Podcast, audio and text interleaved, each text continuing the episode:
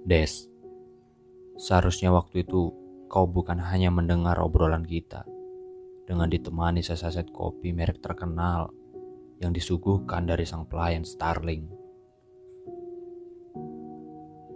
Seharusnya kau bergegas melakukan apa yang sudah kita sepakati, bukan hanya meminta solusi lalu berganti dan kembali menjadi binatang peliharaan.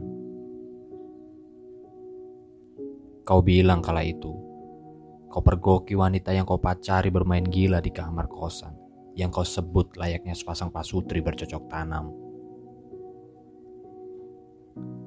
Lalu kau datang kepadaku, minta pendapat dan menceritakan semua. Aku muak kalau mendengarnya. Aku marah. Rasanya ingin kudatangi dan kuludahi para cantik wanita yang kini aku sebut sebagai lonte. Walau sebetulnya aku tak tahu wanitamu yang datang menggoda atau lelaki penjahat kelamin itu yang membujuk. Yang kupikir sama tololnya.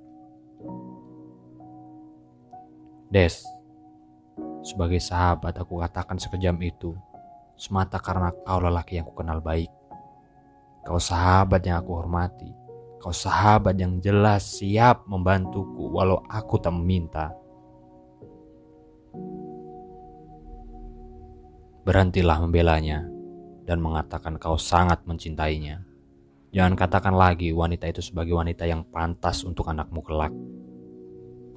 Pergilah dan katakan kau tak sudi menerima kembali ucapan busuknya. Yang jelas-jelas akan ia ulangi kembali dan akan terus begitu.